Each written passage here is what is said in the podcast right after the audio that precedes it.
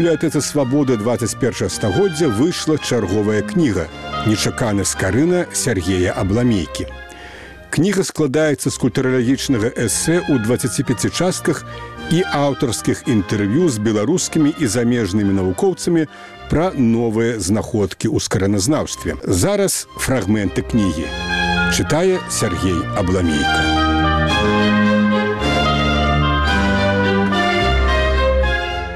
На чарзе размова пра тое, чаму скарына стаў трубадурам загіблага саслоўя.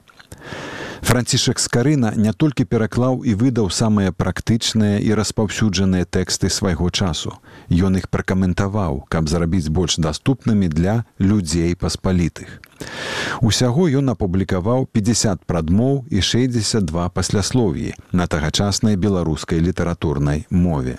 Фразы накшталт к пажытку паспалітага добрага, людзем паспалітым к навучэнню, ка всему сабору людзей для паспалітага добрага сустракаюцца ў тэкстах скарыны рэгулярна. Менавіта людзем паспалітым прысвячае ён свае кнігі. Але каго канкрэтна ён мае на ўвазе? арыстакратаў, шляхту, сялян, гараджан. Адказ на гэтае пытанне просты. Пад людзьмі паспалітымі скарына разумеў жыхароў гарадоў, мяшчанства, з якога паходзіў сам. Час скарыны гэта час паўставання ў Беларусі новай сацыяльнай праслойкі еўрапейскага тыпу, мяшчанства, якое складалася найперш з купцоў і цэхавых майстроў. Гэта было вынікам эканамічнага развіцця беларускіх гарадоў і наступнага надання ім магдыбургскага права. Мяшчанства набывала пэўныя правы, у тым ліку гарадское самакіраванне, свой суд і эканамічную незалежнасць. Усе скарынавы кнігі выдадзены малым фарматам, каб імі было зручна карыстацца не ў царкве, але найперш у паўсядзённым жыцці. А малая падарожная кніжка і апостал паводле памеру зместу наўпрост прызначаліся для купцоў, якія маглі браць іх сабой у падарожжы. Гісторыкі назвалі мяшчанства трэцім саслоўем, маючы на ўвазе, што яно выйшла на гістарычную арэну ў феадальныя часы пасля шляхты і сялянства. Паўсюды ў Еўропе мяшчанства паўставала ў вострай барацьбе з арыстакратыяй, якая імкнулася захаваць кантроль над феадальным горадам. У заходняй Еўропе мяшчане пра сваю эканамічную моц здолелі дамагчыся палітычных правоў і стаць часткай палітычнага народу той або іншай дзяржавы.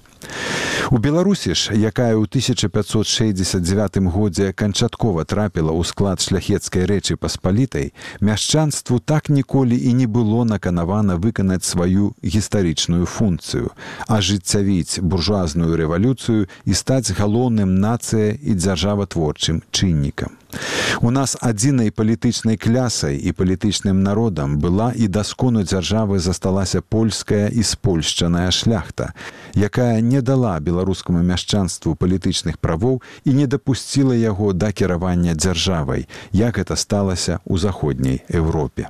Беларускае мяшчанства панесла непапраўныя страты падчас вайны з Масковіяй у 1654 67 годах якую нашы продкі назвалі потопам. Гарады апусцелі і ўжо ніколі не здолелі аднавіцца на поўную сілу. Яшчэ адзін удар ім нанесла паўночная вайна 1700-1721 гадоў. Колькасць насельніцтва, якую Беларусь мела да вайны з Масковіяй у сярэдзіне 17 стагоддзя, яна здолела аднавіць толькі праз 130 гадоў у 90-е гады 18 стагоддзя. Закончаная справа задушэння беларускіх гарадоў і мяшчанства была ў самым змрочным стагоддзі беларускай гісторыі у 18. Пасля дзвюх згаданых страшных войнаў у часы шляхецкай анархіі збяднелыя магнаты праз новае ўмацаванне сістэмы юрыдыкаў зямельных уладанняў у гарадах пачалі зацягваць эканамічную пятлю на шыі беларускага мяшчанства. А канчаткова яе зацягнулі расійскія ўлады пасля далучэння беларусі да рассеі. Гарады былі пазбаўленыя магдыбургскае права, мяшчан абмежавалі ў праве перамяшчацца, пашырылі на іх рэкруцкую павіннасць і нават цялесныя пакаранні, якія захоўваліся аж да 1863 году.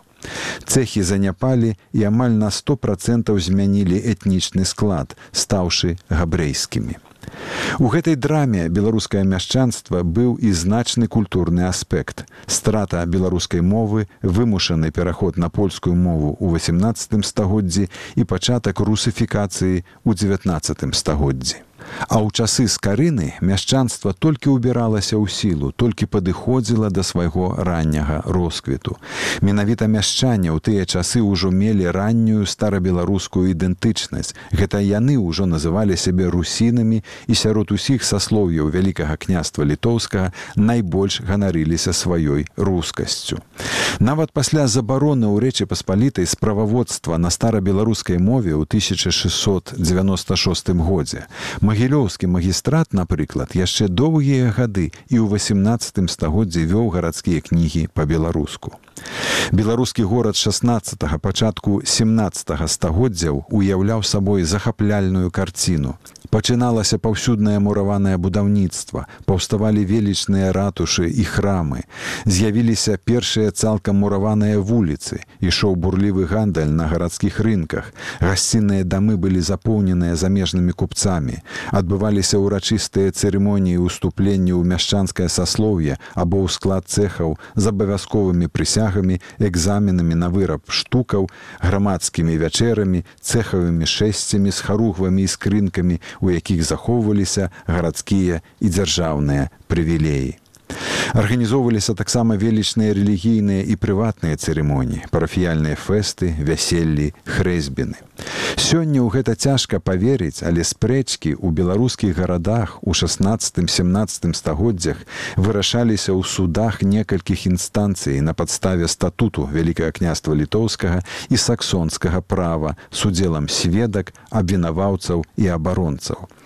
Асабліва, калі ведаеш, што ў некаторых суседніх дзяржавах судоў не было зусім. Разбагацелыя купцы і цэхавыя майстры патрабавалі не толькі юрыдычных і эканамічных правоў. Яны адстойвалі свае нацыянальныя і рэлігійныя правы.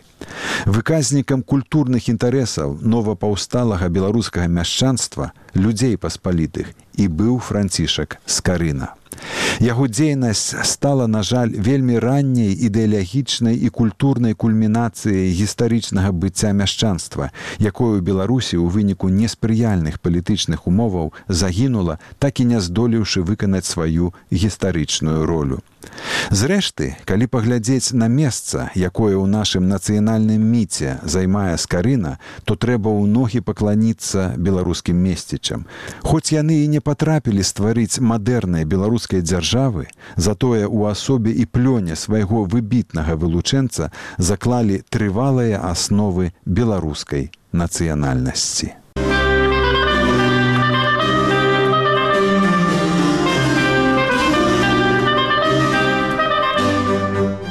Зараз паговорым пра тое, ці можна скарыну назваць першым беларускім піяр-менеджерам. Францішак Скарына стаў першым у свеце чалавекам, які змясціў свой партрэт у сакральнай кнізе. Дакладнага тлумачэння гэтаму факту навука не мае. Чэшскі гісторык Петр Войт, які захапляецца скарынам і называе яго тытанам, які не мае сабе роўных у цэнтральнай і ўсходняй Еўропе таго часу, нават дапускае магчымасць пошуку неўрастэнічнай праблематыкі, як ён сказаў, у факце змяшчэння партрэта чалавека ў бібліі.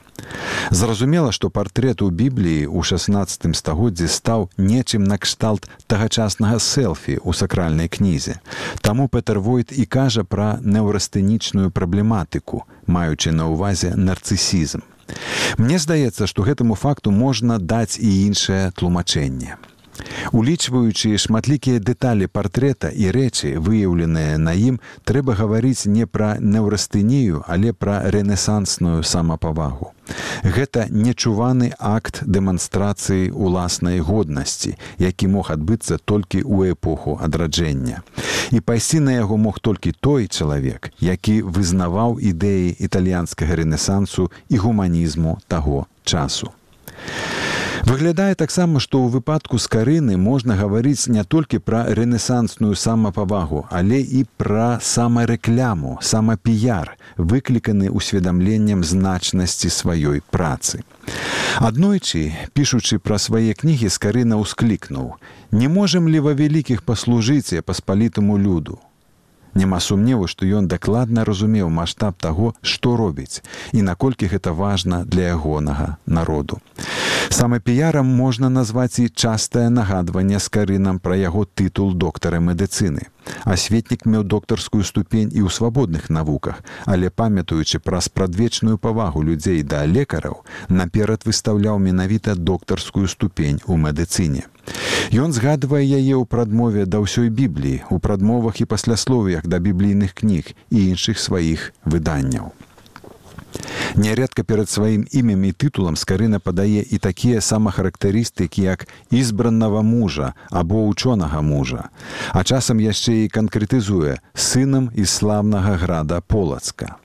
Яшчэ адна дэталь герб скарыны ў выглядзе сонца і месяца, які ён змяшчае на многіх ілюстрацыях у сваёй бібліі. Часам гэты герб з'яўляецца ў праскай бібліі ў выглядзе ці то жартоўнай ці то хуліганскай варыяцыі, як, напрыклад, у некананічнай кнізе пра мудрасці Божай. Можа быць, некаму гэта і падасца нарцысізмам, але здаецца ўсё, што мы маем справу з піяр-стратэгіяй, пакліканай да жыцця рэнесанснай самапавагай, якая ў скарыны сфармавалася не на пустым месцы, але вырасла з традыцыі яго сям'і і роднага полацку. Час карыны, пра што ў нас ужо была гаворка, гэта час фармавання і эмансіпацыі мяшчан як новай сацыяльнай праслойкі грамадства вялікага княства літоўскага. Як напісаў некалі геннадзькі сялёў цытую, скарына месціць гараджанін па нараджэнні, па паходжанні, па духу, конец цытаты. А вось і крыніца адкуль той скарынаў дух браўся.